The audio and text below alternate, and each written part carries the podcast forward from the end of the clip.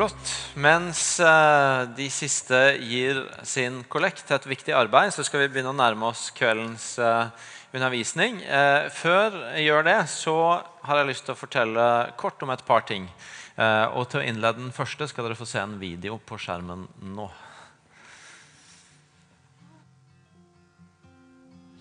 Det,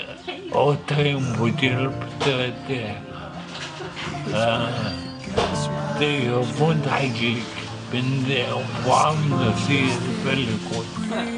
Og nå jeg kan, kan og spise og drikke kaffe, og andre jobber. Og jeg tror jeg kan ta imot det her. Og det er glede å se. Og musikk til arbeid, dette?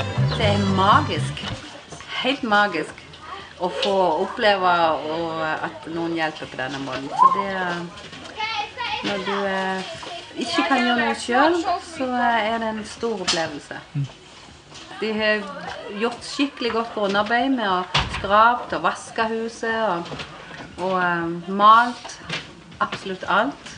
Veldig, veldig, veldig fint. Egentlig så har det gått veldig mye bedre enn jeg hadde trodd. Alle er liksom så lette å snakke med, og det har liksom eh, ikke vært noe. Det går veldig fint.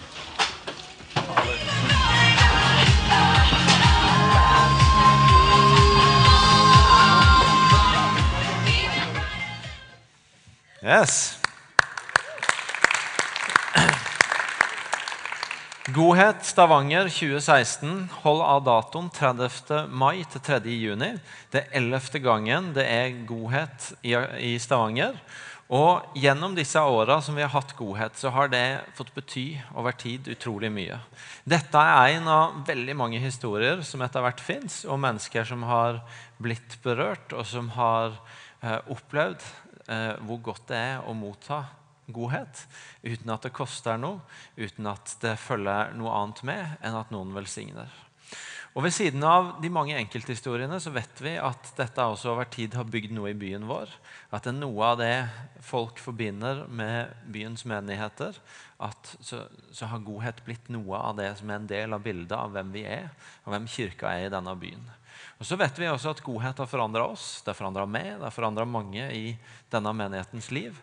Vi har blitt vant til en annen måte å tenke og leve på, hvor godhet ikke bare er ei uke i året, men det er noe vi tenker på hele året. Og Derfor så har vi også lyst til i år å løfte Godhet Stavanger, som kommer nå igjen opp. Eh, nå er det 20, over 20 andre steder i Norge som har godhet, og vi har lyst til å henge med på den bølgen av, av på en måte en ny giv i godhet som vi ser andre steder i landet, og jobbe med å løfte godhet opp. Og Derfor så vil jeg nå, når det ennå er ganske lenge til, be deg om to ting. Det ene er å holde av uka. 30. mai til 3. juni. Ikke bare én kveld, men hold av den uka. Vær med på godhet. Bli med på det som eh, er å velsigne andre mennesker i denne byen. Overraske, sjokkere med godhet. Og Det andre er at de siste åra har vi sett at noen av de flotte oppdragene vi har fått ha, det har vært når folk i vår menighet eller andre menigheter som skal være med på godhet, sjøl har oppsøkt en nabo, en kollega, en uh, venn som de har tenkt at de kunne godt få motta eh, noe hjelp i forbindelse med godhet. Hjelp med husmaling eller noe praktisk som skal skje inne eller ute på huset, eller hagearbeid eller noe annet. Og så har, har det blitt en sånn fantastisk mobilisering når vi har gått sammen om oppdrag som vi har vært med på å hente inn. Eh, så jeg har lyst til å utfordre deg på å tenke er det noen blant dine kolleger, blant dine venner, blant dine naboer eller i din familie som du tenker de hadde vært gøy å kunne gå og banke på døra og sagt du, skal ikke vi komme en gjeng den første uka i juni, månedsskiftet mai-juni og hjelpe deg med det eller det? Enten det er et hus som skal males, eller en hage som skal tas, eller noe annet. Og så kan vi begynne å mobilisere rundt og samle folk til å være med på det. Kommer mer inn for etter hvert om hvordan du melder deg på alt det. Men for nå, hold av datoen og tenk er det noen du skal være med og ikke bare få med på å delta i godhet, men faktisk hanke inn til at vi kan velsigne gjennom godhet. Så Det er det ene. Det andre jeg kort ville si før jeg begynner å tale, er at vi har en glimrende bibelskole her på huset. Akta bibelskole. Eh, ja, sitter en gjeng her blant annet, av flotte folk. Fjorårets kull så hadde vi fem elever som i noen måneder ble fulgt av kameramenn fra NRK. Og som det er blitt til et program i seks episoder som heter Guds lærlinger. Det har premiere skjærtorsdag på NRK1 klokka ti over ni på kvelden. Det ble egentlig laga som en serie for NRK3. Og så syntes NRK at dette var så spennende at de har flytta det til hovedkanalen sin, NRK1, og til beste sendetid. Og Det er spennende. Og jeg har lyst til å punkt 1, be dere som er i menigheten, om å være med og be for de fem som faktisk er ganske modige. De har gitt slipp på ganske mye kontroll med å si at det er ok at dere følger oss, og så lager dere program av det, og de har ikke kontroll på hvordan de klipper og syr sammen alt dette her. Og uansett hva som på en måte måtte skje i folkemeningen om dette programmet, så tror jeg at de fem vil oppleve et trøkk i den tida programmet er. Og de trenger at vi backer dem, oppmuntrer dem og ber for dem. Og Det vil jeg be dere om å være med på. Det andre er bruk muligheten. Se programmet, og bruk muligheten til å snakke med andre mennesker om tro og om det livet vi har sammen her, som en får et innblikk i gjennom de seks episodene. Guds lærlinger torsdag om halvannen uke, skjærtorsdag altså, klokka ti over ni på NRK1. Spennende? Yes. Ja, vi kan klappe for det. Da skal vi be en bønn, og så skal vi se på dagens tekst. Jesus, tusen, tusen takk for at du er her. Tusen takk for det vi har fått ta imot av du allerede gjennom nattverden, gjennom å tilbe deg, gjennom å be til deg, gjennom å være et fellesskap som søker deg sammen. Jeg har lyst til å be deg om å møte oss nå også gjennom ditt ord. Og invitere deg Hellige Ånd til å komme og virke blant oss og til å bli også liv i jorda. Eh, og, og, til å la dette få møte både hodet vårt, men også hjertet vårt og hendene og beina våre, sånn at det blir til oppbyggelse og til liv for oss. Amen. Jeg er jo, som de som har vært her noen ganger, eh, veit om, en eh, bokorm. Jeg er utrolig glad i bøker. Og eh, kan sitte på noen sånne seine kvelder når jeg er litt stressa, så må jeg trøste meg sjøl litt. Og da driver jeg med min versjon av trøsteshopping. Og det er å handle bøker på Amazon som jeg ikke har tid til å lese, men som jeg i hvert fall har lyst til å vite at jeg har. så det er jo en slags snodig lidenskap. Jeg veit det er rar, men jeg er nerd, sånn er det. Men i hvert fall så, så eh, i forbindelse med det da, så har jeg oppdaga at Eh, du finner veldig mange sånne bøker som har et eller annet med 'power off' i tittelen. Det er masse sånne The Power Off-bøker ute og går for tida. Det, kan være kristne ting. ikke sant? The Power of Forgiveness, Kraften i tilgivelse eller Kraften i bønn. Og så har du sånn mer allmennmenneskelige ting som The Power of Habit. ikke sant? Kraften i gode vaner.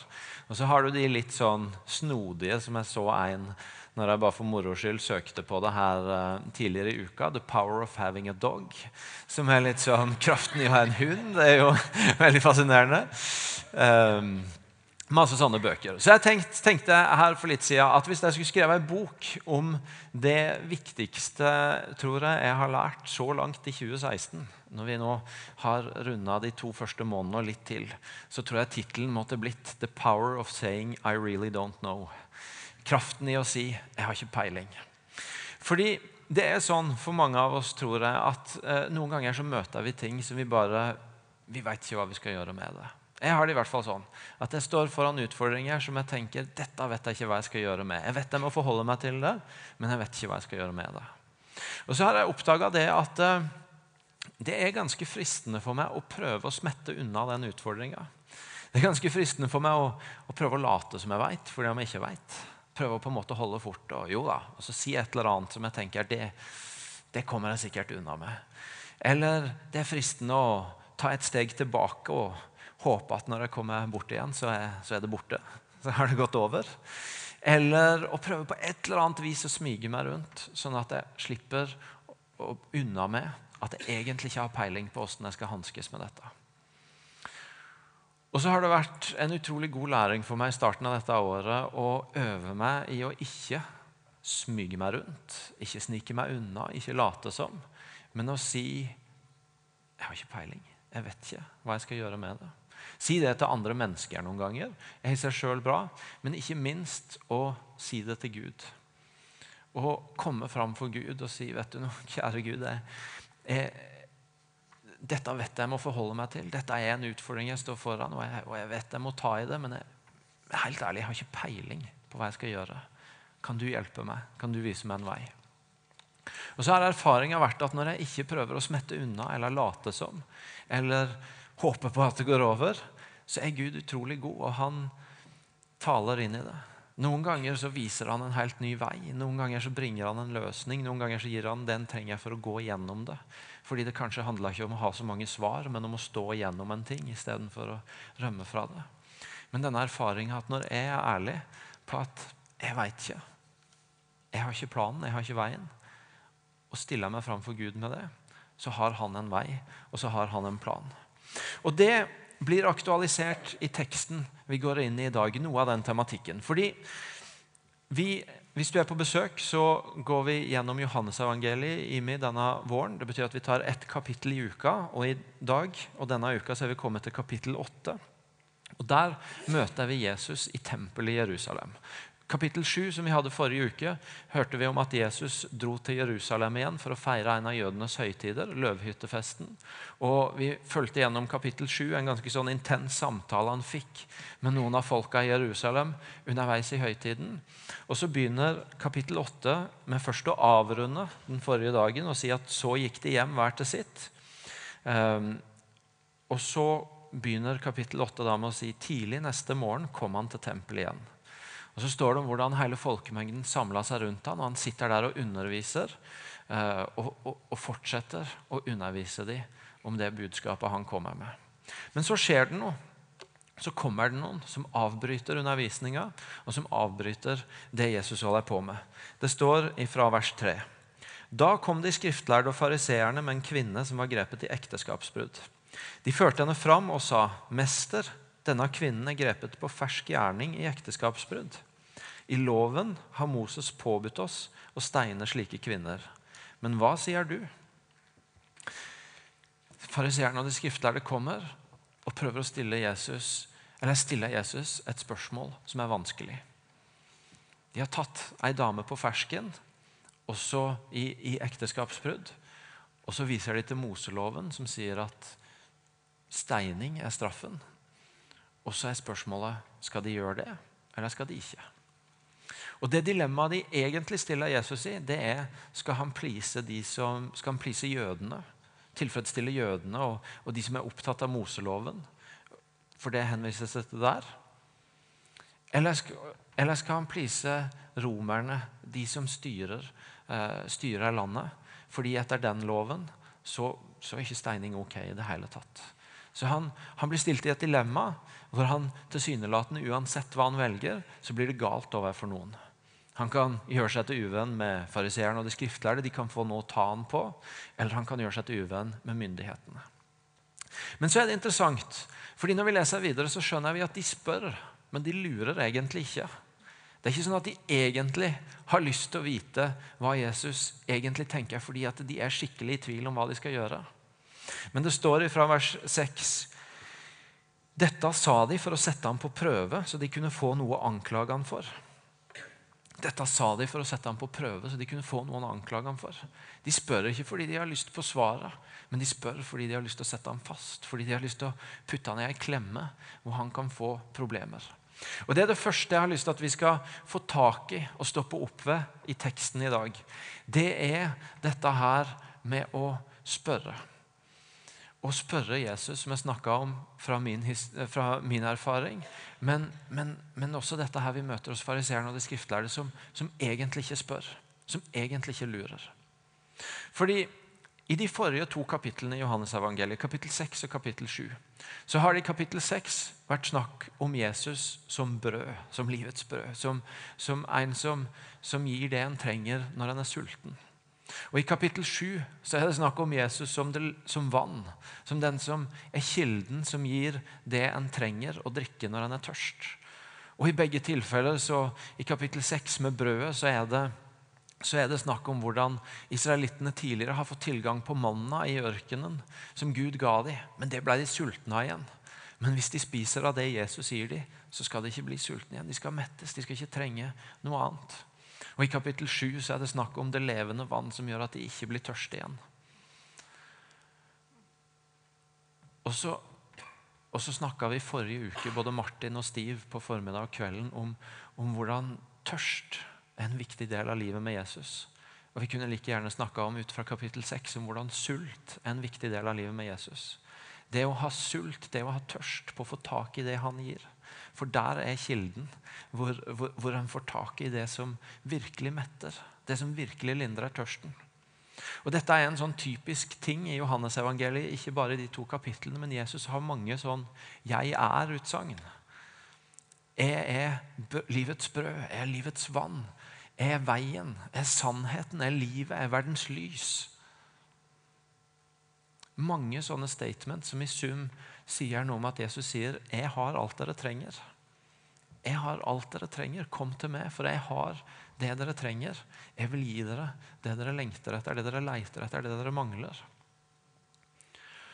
Og så, og så er det noe med at når du, når du kveler spørsmåla dine, når du egentlig ikke lurer, når du egentlig ikke er villig til å stille deg framfor Jesus og si 'jeg trenger noe', så kveler du tørsten. Så kveler du sulten. Når det kommer en gjeng foran og spør, men de lurer egentlig ikke, så er de egentlig ikke mottagelige for det Jesus har å gi dem. Og Det er det som fortsetter å skje i dette kapittelet. Samtalen mellom Jesus og fariseerne blir bare mer og mer oppheta. Fordi de er ikke villige til å ta imot han og det han kommer med. De er klart å krangle med han, de er klart å sette ham fast, de er klart å diskutere med han. Men de klarer til syvende og sist ikke å ta imot det han bringer. Og Sånn er det for oss også. At når vi prøver å late som, eller når vi prøver å stikke unna og se om kanskje går det over, eller prøver å smyge rundt, så står vi i fare for å ta livet av den sulten, den tørsten, som gjør at vi lengter etter mer av Han, som har svaret på alle utfordringene, som har mer å gi inn i alt det som livet vårt bringer. Og Derfor er dette her å, å kunne komme foran og si Jesus, jeg har ikke peiling. Jeg vet ikke, men jeg trenger du. Jeg forstår ikke det som skjer nå. Jeg er ikke stolt av det som skjer nå. Jeg vet ikke hva jeg skal gjøre i det som skjer nå. Men jeg vet at du har svaret. Jeg vet at du har lyset, jeg vet at du har sannheten, jeg vet at du har en vei. Og jeg trenger å få tak i det. Hvis vi kveler de spørsmåla, så kveler vi sulten og tørsten. Og da går vi glipp av noe av det Jesus har å gi oss. Og Derfor så tror jeg denne teksten minner oss igjen om å om å gi rom for de tinga vi ikke forstår, og så bringe de til Jesus. Det er mye bedre å gå til han og si 'jeg har ikke peiling', enn å gå til resten av verden og prøve å late som 'jo da, jeg håndterer dette, det går bra', dette. Fordi Jesus har så utrolig mye mer å gi enn våre forsøk på å late som. Eller våre forsøk på å slippe unna. Han sier at han er veien, at han er sannheten, at han er livet, at han er livets brød, at han er det levende vann, at han er verdens lys. Han har alt. Og han har svar på de tinga hvis vi bare gir plass for den tørsten, for den hungeren, som vil ha tak i mer av det livet han bringer. Og så er det fascinerende å se i denne teksten noe av det som skjer når en stiller seg i den posisjonen. Fordi tilsynelatende så blir Jesus stilt i et sånt enten-eller-dilemma. Enten så velger du det som provoserer jødene, eller så velger du det som provoserer myndighetene. Men så skjer det som gjerne skjer når vi faktisk velger å gå til Jesus og si 'Jeg trenger mer av du'. Jeg trenger mer av ditt liv. Jeg trenger mer av det du har å gi. Jeg trenger dine svar og dine løsninger på det jeg står i. Nemlig at veien er en annen. For vi ser ifra vers 7. Men, men da de fortsatte å spørre, retta han seg opp og sa:" Den av dere som er uten synd, kan kaste den første steinen på henne. Så bøyde han seg ned igjen og skrev på jorda. Da de hørte dette, så gikk de bort, én etter én, de eldste først. Til slutt var Jesus alene igjen, og kvinnen sto foran ham. Da retta han seg opp og spurte, 'Kvinne, hvor er De? Har ingen fordømt deg?' Hun svarte, 'Nei, Herre, ingen.' Da sa Jesus, 'Heller ikke jeg fordømmer deg. Gå bort og synd ikke mer fra nå av.' De prøver å sette Jesus fast. De prøver å få han til å velge ett av to alternativer. Men Jesus godtar ikke svaralternativene. Jesus lar seg ikke binde av de rammene de gir, men han gir et helt annet svar. Det står at han bøyer seg ned og skriver på jorda. Det har blitt spekulert mye hva det egentlig han skrev. og Det vet vi ikke helt. Noen har foreslått at han, at han skrev, så bøyde seg ned og skrive fordi han måtte tenke seg litt om. Han ikke helt visste hva han skulle si. og Noen har foreslått at han skrev det som han seinere sa. og Andre forslag er der. Men i hvert fall når han reiser seg opp igjen, så, så, så svarer han ikke på alternativene, men han peker en annen vei. Han sier de av dere som er uten skyld, kan kaste den første steinen. Og så blir alle svar skyldig. Og så når han kikker igjen, så har alle gått bort. Og så spør han har ingen fordømt deg. Nei. Nei, heller ikke jeg fordømmer deg. Gå bort og synd ikke mer. Jesus som har andre svaralternativ. Som når vi kommer til han og faktisk vil ha tak i hva han har å si og gi, så, så hjelper han oss noen ganger til å bryte ut av de boksene vi har. Når jeg leser dette, så, så tenker jeg på kong Salomo, som, som fikk i Det gamle testamentet som fikk spørsmål av Gud hva, hva, hva, er det du aller helst vil ha, Salomo? Hva er det du aller helst vil ha tak i? Og Så svarer ikke Salomo rikdom eller framgang, eller noe sånt, men han sier visdom. Jeg vil ha visdom. Og Så får han en helt enorm porsjon av Guds visdom som gjør at han blir kjennetegna for en klokskap uten like. Og En av historiene som fortelles om kong Salomo den gangen, det kommer to damer til han som, som, som begge har født. Og Så døde det ene barnet, og så lever det andre. Og så krangler de om hvem den levende barnet er sitt. Og så, og så, og så kan du tenke at kong Salomo må bare velge en, eller må trekke lodd. eller... Men så, så sier han noe helt annet. Han sier noe som i utgangspunktet høres ganske fælt ut.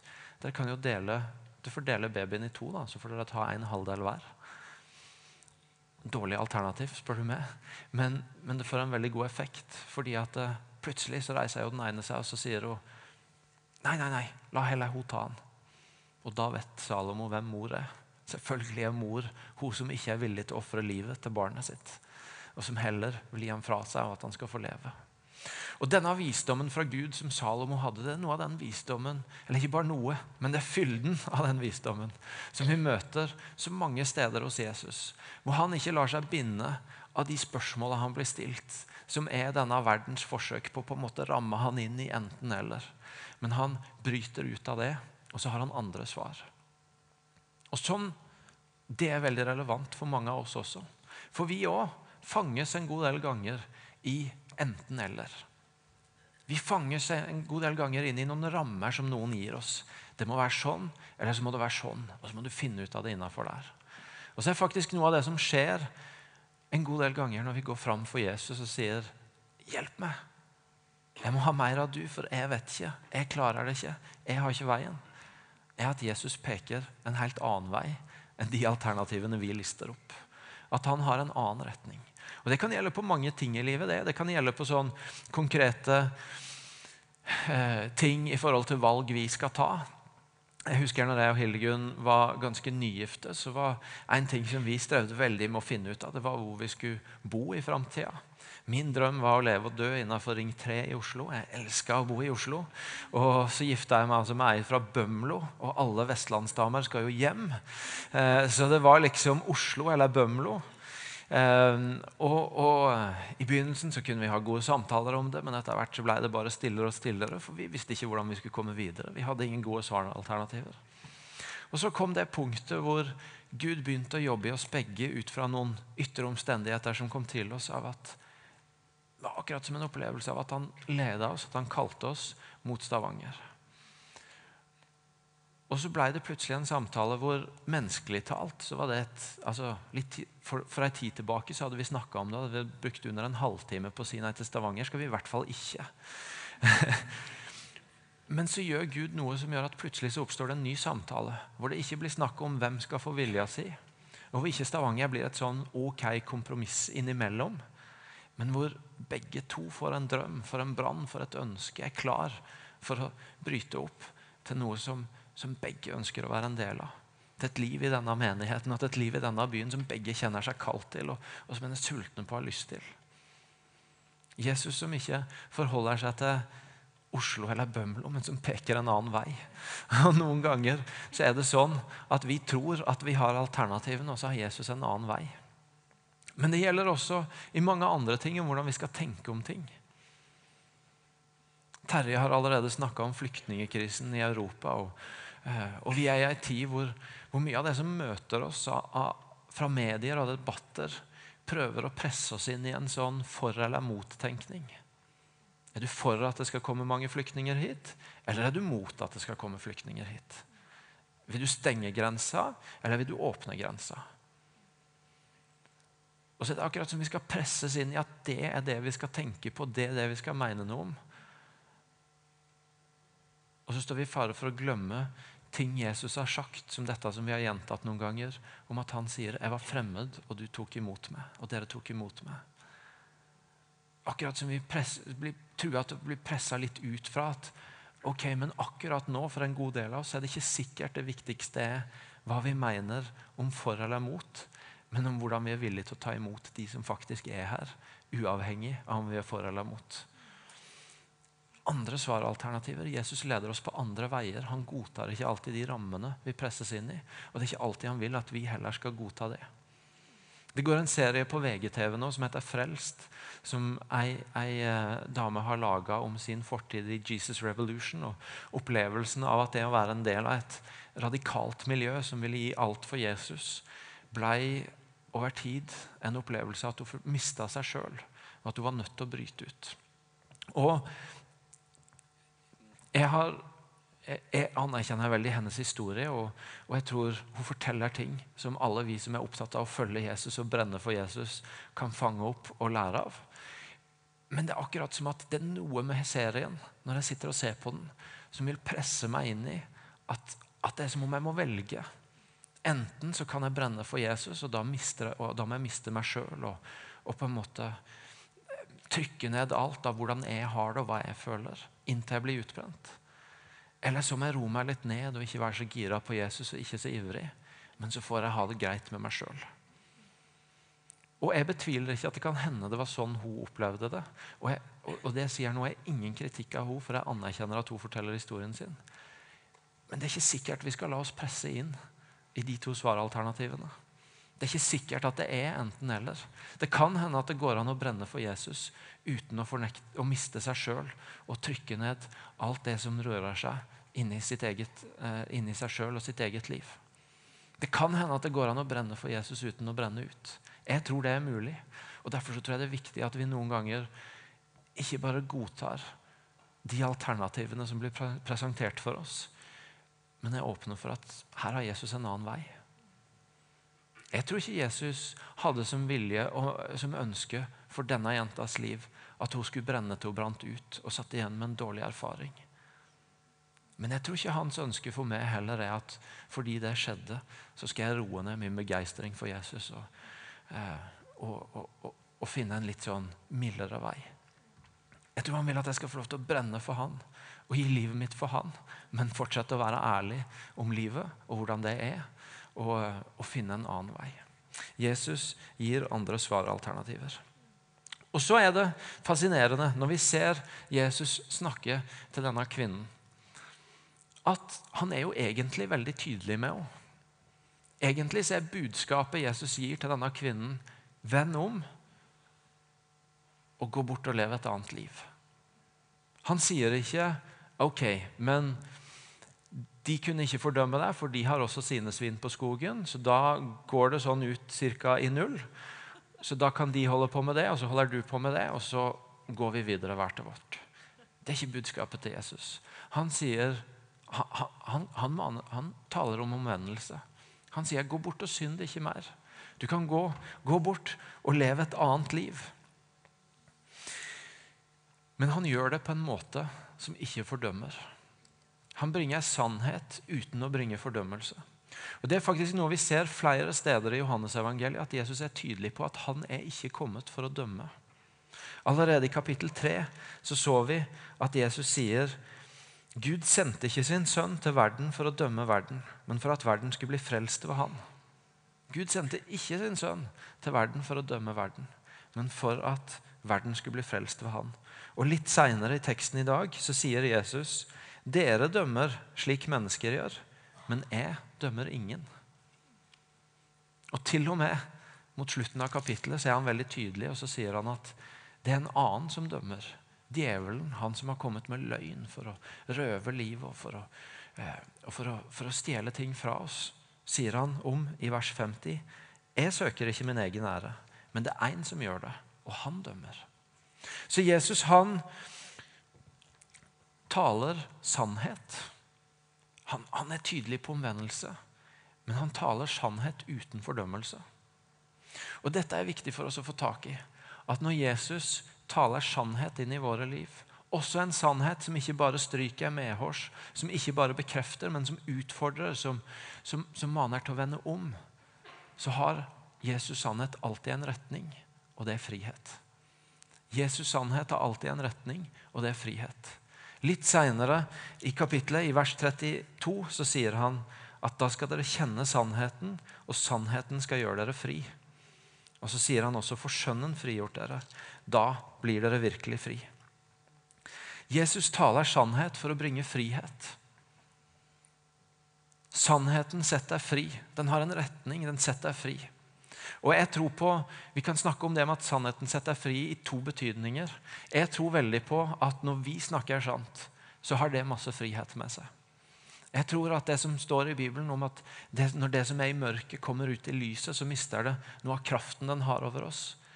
At, at, at vi velger ærlighet, at vi velger sannhet. I det så ligger det masse frihet. Og Jeg har erfart det sjøl mange ganger i livet at når ting som jeg har prøvd å holde skjult, ting som har gått og, og på en måte strevd med og prøvd å holde nede, når jeg, når jeg endelig snakker sant om det, så er det så utrolig frigjørende. Men her snakker egentlig ikke Jesus primært om vår sannhet, men han snakker om sin sannhet. Han snakker om når han taler sannhet inn i våre liv, og at den sannheten er en sannhet som bringer frihet til oss. Og Allerede i starten av Johannesevangeliet så står det om Jesus at når han kom, så kom han full av nåde og sannhet. Og nettopp der finner du noe av det som skjer når Jesus taler inn i denne kvinnens liv, og når han taler inn i andre mennesker han møter i evangelienes liv, når han taler inn i våre liv. Nåde og sannhet får gå sammen og ha en retning, og det er ikke fordømmelse, men det er frihet. Sannhet uten nåde det blir utrolig lett fordømmelse, og da røves vi for frihet. Men nåde uten sannhet er faktisk også en måte å stjele frihet fra hverandre på. Muligheter til å høre at vet du noe, det er mulig å leve et annet liv. Jesus har en annen retning for deg. Jesus har et annet liv for deg enn det du står i nå. Dette er så viktig for oss å få tak i. At Jesus han, han ønsker å peke på en retning, et, en ny mulighet. Fordømmelse det handler om å binde oss fast. Fordømmelse er definitivt ikke frihet. Fordømmelse er at du blir, du blir stempla for dine nederlag. Du blir holdt fast i dine nederlag. Du blir parkert der. Og det blir på en måte noe du skal bære med deg, noe som skal fortelle hvem du er. Friheten Jesus springer når han kommer med sannhet, den sier at det som skjedde, er ikke greit. Men jeg har lyst til å peke på en ny retning for deg. Et nytt liv for deg. Du kan gå bort og ikke leve sånn som du gjorde nå. Du kan gå videre og ikke fortsette å være kvinnen som ble grepet i ekteskapsbrudd, men ha en annen frihet med deg. Og Det er den sannheten Jesus ønsker å tale inn i våre liv også. Jeg er så utrolig glad i det uttrykket i Salme 18 hvor det står at 'du tok meg ut i åpent land'. Åh, jeg tenker Det å få være i åpent land, det liker jeg tanken på. Hvor det, hvor det er rom rundt til å ta valg og til å, til å leve. Og Det er som om Jesus sier her at sannhet er motorveien til åpent land. At hans sannhet inn i våre liv, og han får peke en annen retning, det er en sånn setter oss på motorveien til et liv i frihet, til et liv i åpent land. Og, eh, og så sier han jo i vers 12 at 'jeg er verdens lys'. Den som følger med, skal ikke vandre i mørket, men ha livet. Og det betyr, det bare understreker. Når vi går i mørket, så er det lett å snuble. Men når vi går med Han, i Hans lys, så kan vi se veien, og så kan vi få gå et annet liv enn det som tidligere bandt oss. De som, eh, de som eh, hører dette, de skjønner ikke hva han snakker om. De sier men vi er jo ikke slaver av noen, så hvordan kan du si at vi skal bli fri? Og så sier han sannelig, sannelig, jeg sier dere, den som gjør synd, er slave under synden. En slave blir ikke i huset for alltid, men en sønn blir der for alltid. For Sønnen frigjort dere, da blir dere virkelig fri. Jesus bare tydeliggjør at det er ikke alltid at det vi er bundet av, det som holder oss fast og som gjør at vi ikke har frihet, er ytre ting. Noen ganger er det det, men mange ganger så er det det som er på innsida. Det er ting vi har gjort, ting som har skjedd oss, ting vi har båret med oss i livet. Og som han sier, 'Jeg kan sette dere fri. Jeg har et liv i frihet for dere.' Og Det utfordrer også oss på å ville ta imot en sannhet som ikke bare er medhårs. Det utfordrer oss på kanskje av og til spørre hvor lenge er det siden sist jeg leste i denne boka eller hørte Jesus si noe som, som utfordra meg. Som utfordra meg til omvendelse. Eller som jeg egentlig ikke likte så godt. Jeg var ikke helt enig i det. Jeg skulle ønske Jesus ikke sa det sånn. Men jeg velger å forholde meg til det fordi det er han som sier det. Og jeg tror at hans sannhet har en retning, og det er frihet for mitt liv. Hvis det er lenge siden Jesus har utfordra, hvis det er lenge siden vi har brynt oss på noe i det Jesus bringer inn i våre liv som ikke bare er behagelig, så kan det hende at det er noe å ta litt tak i. Ikke primært for at du skal please meg eller noen andre, men fordi det kan være at du går glipp av frihet ved å ikke få tak i det. Og så er det jo sånn at frihet og det å leve i sannhet, sånn at, sånn at du får være i den retninga hvor Jesus ønsker å ta deg til mer frihet, det, det, er jo ikke bare et øyeblikk, men det er en prosess. Denne dama hun har et moment, hun har et øyeblikk med Jesus hvor, hvor livet hennes får en, får en, retningsendring. Hvor hun antagelig går ut av det møtet med en god del mer frihet enn å komme inn i det møtet med Jesus. For hun kommer i full visshet om at hun er tatt på fersken, og at disse ønsker å stille henne til veggs, og egentlig tar til orde for steining. Og så går hun ut uten at noen har fordømt henne, og med budskapet fra Jesus om 'gå bort og synd ikke mer'. Du kan leve et annet liv. Så hun har et øyeblikk og Noen ganger så har vi sånne øyeblikk hvor, hvor Jesus setter oss fri fra ting. Hvor vi får enten sjøl bekjenne ting, legge ting fram for han, og så er vi fri fra det. Eller hvor han fortaler ting inn i våre liv på en sånn måte at å, der løsna det. Der falt brikkene på plass. Det er noen ganger denne, denne våren jeg, eller vinteren når jeg har gått fram for Jesus og sagt jeg har ikke peiling, Jesus. Og så har han minna meg på noe, og så har jeg gått ut med en sånn følelse av å, nå ser livet så annerledes ut. Og Vi har sånne øyeblikk av frihet. Men så sier Jesus noe viktig i, i vers 31. Han sier, 'Hvis dere blir i mitt ord, da er dere virkelig mine disipler.' 'Da skal dere kjenne sannheten, og sannheten skal gjøre dere fri.' Jesus sier at det å leve i sannheten, sånn at du har en retning mot frihet, det er ikke bare et øyeblikk, men det er en prosess. Og Derfor er noe av det viktigste du kan gjøre, det å bli i Hans ord. Det å bli i sannheten. Det å ikke bare ta med deg øyeblikka, men å velge prosessen. Velge å bli værende der, sånn at den sannheten mer og mer får forme. Da er vi tilbake til hungeren igjen, til sulten. ikke sant? Sulten heter 'jeg må ha mer av deg, Jesus'. For jeg vil ha mer av dette livet, jeg vil ha mer av denne friheten. Jeg ønsker å bli værende der. Jeg ønsker ikke bare å ha de øyeblikka, men jeg ønsker å bli værende der sånn at du kan ta meg mer og mer til et liv i frihet. Og Det tror jeg er invitasjonen til hans til oss i dag òg. At han ønsker å minne oss om at du som ikke veit hva du skal gjøre, du som, du som, står i en utfordring som du lurer på hva du skal, hvordan du skal ta tak i, du som er blitt låst inn i noen rammer som denne verden har presentert for deg. Men det, det går egentlig ikke opp hvis du skal spare på de premissene. Du som har blitt bundet av synd, og du trenger å bli satt fri fra det.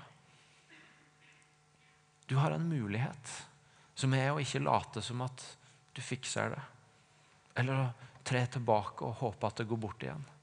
Eller å smyge deg rundt det. Men du har den muligheten det å stille deg fram for han og si 'Jeg trenger deg, Jesus'. Jeg trenger ditt svar. Jeg trenger ditt liv, jeg trenger ditt brød, jeg trenger ditt vann, jeg trenger din nåde. Jeg trenger din sannhet, jeg trenger din vei. For din sannhet har alltid én retning, og det er frihet. Og den friheten ønsker jeg. Skal vi reise oss opp og be sammen?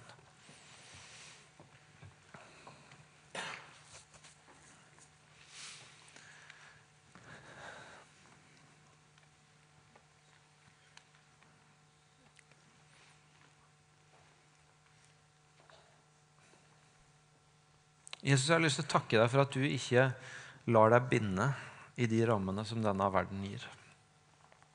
Jeg vil takke deg for at du viser at der denne verden noen ganger prøver å låse oss i noen ting, så, så du, tar du noen steg til sida og så sier du ja, men her går en mye bedre vei.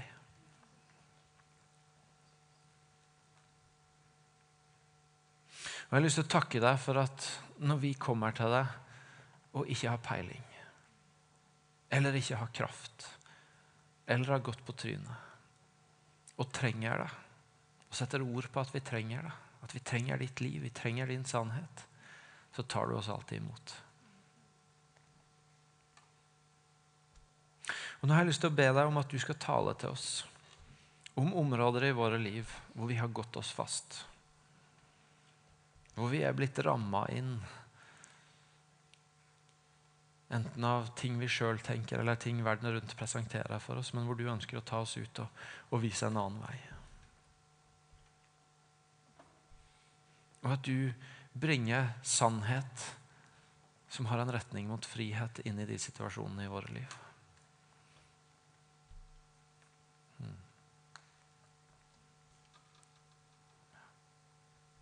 Tal til oss om det nå, Jesus.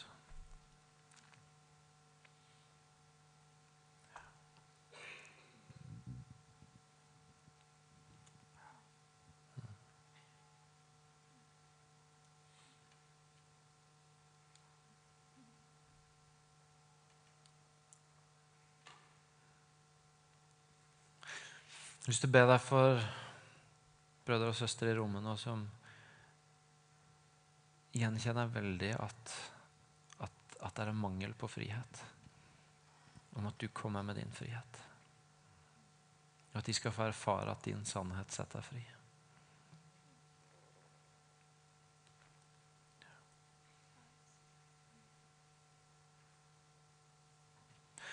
Så er det sånn nå at vi skal tilbe Jesus sammen, og, og så kommer forbederne til å være på den sida.